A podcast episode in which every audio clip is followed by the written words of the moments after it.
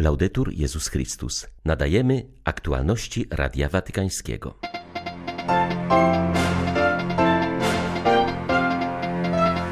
Papież po raz pierwszy mianował kobiety do watykańskiej dykasterii do spraw biskupów. Będą one decydować m.in. o przyszłych nominacjach biskupich.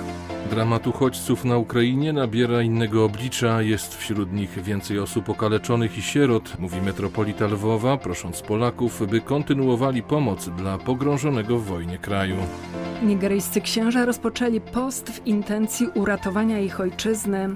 Tylko w pierwszym tygodniu lipca porwano tam 18 kapłanów, a trzech zostało zamordowanych. 13 lipca witają Państwa Beata Zajączkowska i Łukasz Sośniak. Zapraszamy na serwis informacyjny. Papież Franciszek po raz pierwszy mianował kobiety do watykańskiej dykasterii do spraw biskupów. Są to dwie siostry zakonne oraz przewodnicząca Światowej Unii Katolickich Organizacji Kobiecych.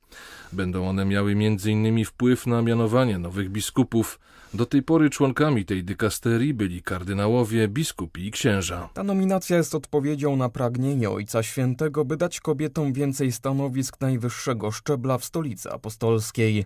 Papież mówił o tym w jednym z wywiadów, przypominając, że nowa konstytucja o kurii rzymskiej Predicate Evangelium, która weszła w życie z początkiem czerwca, przewiduje możliwość kierowania większością dykasterii watykańskich przez katolików świeckich.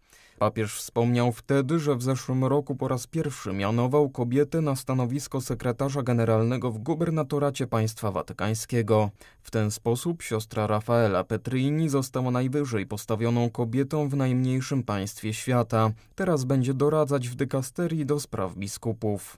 Druga z zakonnic jest francuską i wieloletnią przełożoną generalną Zgromadzenia Córek Maryi Wspomożycielki, czyli Salezjanek, mocno zaangażowaną w pracę w Afryce. Z kolei Maria Lia Cervino pochodzi z Argentyny. Od lat pracuje na rzecz praw kobiet i ich większego zaangażowania w życie Kościoła. Wyzbądźmy się gniewu i nienawiści, ale bądźmy mężni wobec zbrodniczego agresora, który wtargnął na naszą ziemię, apelował w dzisiejszym orędziu wojennym arcybiskup Światosław Szewczuk. Przypomniał, że już od 140 dni Ukraina powstrzymuje rosyjską nawałę. Również przez ostatnią dobę toczyły się zacięte walki. Rosjanie rakietami i artylerią ostrzeliwują ukraińskie miasta. Znów są zabici, znów płaczą matki, Mówił zwierzchnik ukraiński grekokatolików. Podziękował też ukraińskiemu wojsku, które wykazuje się wielkim heroizmem i męstwem, odpierając silniejszego wroga, udaremniając jego szturmy. Ukraina trwa, walczy, modli się i uczy się zwyciężać, zapewnił arcybiskup Szewczuk. W tych dniach bardzo w tych dniach często pojawia się pytanie, jak odpowiadać na nienawiść wroga, który nas atakuje. Jak tu się nie gniewać, gdy widzisz zbrodnie, które dokonują się na naszej ziemi? Ale gniew, o którym tu mówimy, to nie uczucie, które jest naturalną reakcją na napotkane zło. Ważne, aby gniew tobą nie zawładał. Chciałbym zachęcić dziś wszystkich do modlitwy, abyśmy dzięki cierpliwości i łagodności mogli przekształcić nasz gniew w cnotę męstwa, bo wszyscy musimy być mężni przed obliczem zbrodniczego agresora. Módlmy się za nasze wojsko, za naszych obrońców, dziewczęta i chłopców, którzy własną piersią osłaniają ukraińską ziemię. Niech uchronią swe serca od gniewu i nienawiści. Niech wzrastają wytrwałej cierpliwości, aby wytrwale mogli stawiać opór złemu. A nieprzyjaciel nie zdobył naszego serca przez demona gniewu. W Tobie, Boże, składamy naszą nadzieję i wierzymy, że Ty jesteś naszym ratunkiem, naszym opiekunem i wspomożycielem. I nasza. Wojna na Ukrainie to jednocześnie wielki eksodus ludzi. Opuszczają oni zagrożone działaniami zbrojnymi tereny i szukają schronienia na zachodzie Ukrainy oraz za granicą. Zdaniem metropolity lwowskiego arcybiskupa Mieczysława Mokrzyckiego mamy teraz do czynienia z ludźmi bardziej pokrzywdzonymi i poranionymi. Lwów od samego początku wojny jest miejscem schronienia dla uchodźców wojennych. Ośrodki parafialne, klasztory, domy rekolekcyjne i seminaria cały czas przyjmują potrzebujące dachu nad głową osoby. Tak opisuje aktualną sytuację uchodźców arcybiskup Mieczysław Mokrzycki. Sytuacja na Ukrainie jest bardzo trudna. Jak widzimy, wojna w dalszym ciągu trwa i tutaj do nas do Lwowa przybywają każdego dnia uchodźcy. Ja spotykam się z nimi i widzę, że są to teraz coraz trudniejsze przypadki. Początkowo uciekali wszyscy, a w tej chwili przyjeżdżają do nas osoby naprawdę bardzo okaleczone, często na wózkach, osierocone dzieci i tutaj staramy się ogarnąć ich taką wielką miłością i przyjść im z pomocą. Metropolita Lwowski wciąż wyraża wdzięczność tym, którzy ślą pomoc humanitarną. Za tą solidarność z nami i tych wszystkich, którzy nas wspierają w tym dziele, bardzo serdecznie dziękujemy. Pomoc humanitarna jest nieustannie potrzebna. Wielu ludzi nie tylko, że utraciło dach nad głową, ale także miejsca pracy i możliwość zarobkowania. Szczególnie zaostrzyło się to w bombardowanych miastach wschodniej Ukrainy. Dla Radia Watykańskiego z Ukrainy ksiądz Mariusz Krawiec, Paulista.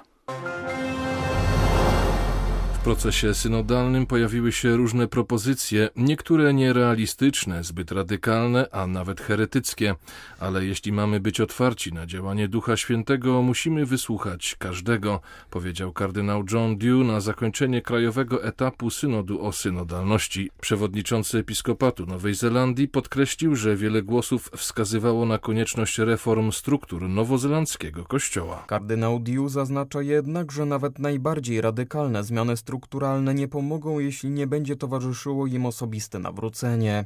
Przypomniał, że celem synodu nie jest tylko odnalezienie wyczerpujących rozwiązań dla wszystkich trudności i problemów Kościoła, ale przede wszystkim zmiana myślenia uczestników tego procesu.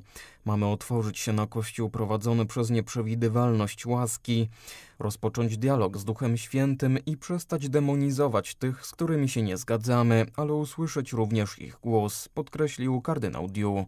W spotkaniu uczestniczyło około 80 przedstawicieli katolickich parafii z całej Nowej Zelandii. Obecnie trwają prace nad dokumentem końcowym, który zostanie wykorzystany podczas następnego etapu synodu w przyszłym roku w Watykanie. Nigeryjscy księża rozpoczęli tydzień modlitwy i postu w intencji poprawy bezpieczeństwa w ich kraju. Sytuacja w Nigerii pogarsza się każdego dnia. Wobec bierności władz islamskie organizacje terrorystyczne wciąż zwiększają swoje wpływy. Od początku roku porwano w tym afrykańskim państwie co najmniej 18 księży, w tym pięciu w pierwszym tygodniu lipca, trzech z nich zostało zamordowanych. W obliczu tej dramatycznej sytuacji nigeryjscy biskupi wydali oświadczenie, w którym zauważają, że rząd zawiódł obywateli, nie wypełniając swojego najważniejszego obowiązku, jakim jest ich ochrona. Dla całego narodu jest już jasne, że państwo rozpada się na naszych oczach. Najsmutniejszym objawem tego jest fakt, że kościoły są regularnie plądrowane i palone, a chrześcijanie porywani i zabijani. Księża, wypełniając swoją normalną posługę, stali się w Nigerii głównym celem, czytamy w oświadczeniu episkopatu. Epicentrum antychrześcijańskiej przemocy jest stan Borno, gdzie Boko Haram pozostaje największą organizacją terrorystyczną.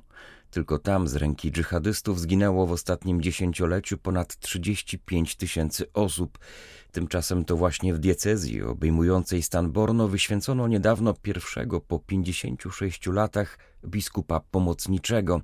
To wyraźny znak dla naszych oprawców, że nie damy się zastraszyć, napisali nigeryjscy biskupi. Większość aktów przemocy wobec ludności cywilnej, zwłaszcza chrześcijan, ma miejsce na północy i jest dokonywana przez różne islamskie grupy terrorystyczne.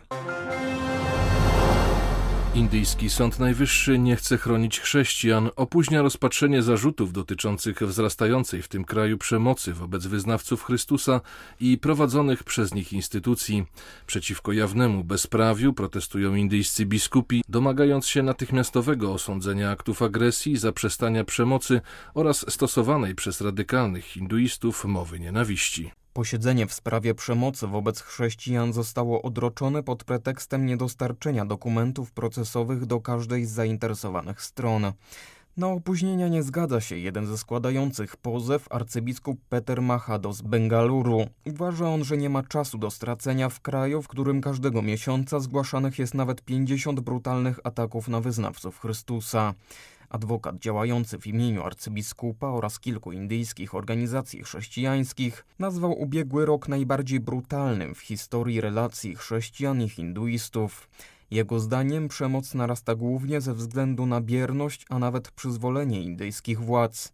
W 2018 roku Sąd Najwyższy Indii wydał szereg wytycznych, by zapobiegać rosnącej liczbie ataków na chrześcijan, w tym przemocy tłumów i linczów na przedstawicieli mniejszości religijnych.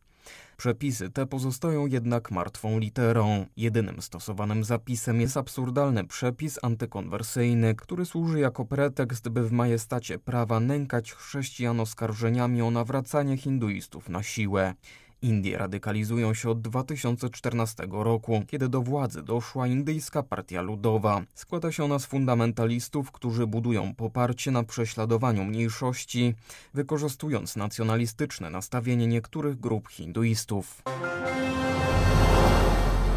Rządząca w Birmie junta ignoruje prośby przywódców religijnych o nieatakowanie kościołów, nadal celuje w chrześcijańskie budynki i instytucje w regionach, gdzie przeważają wyznawcy Chrystusa.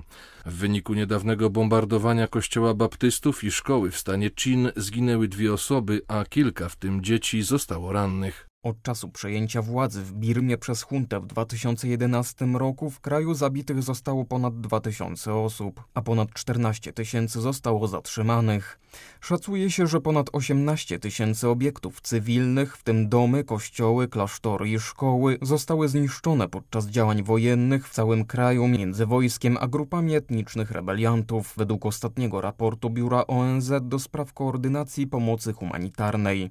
Z rąk hunty cierpią także chrześcijanie. Kościoły katolików i baptystów w stanie Chin, zubożałym i głównie chrześcijańskim regionie, stały się celem wojskowych od momentu przejęcia władzy. W ostatnim ataku ofiarą padli przesiedleńcy z pobliskich wiosek.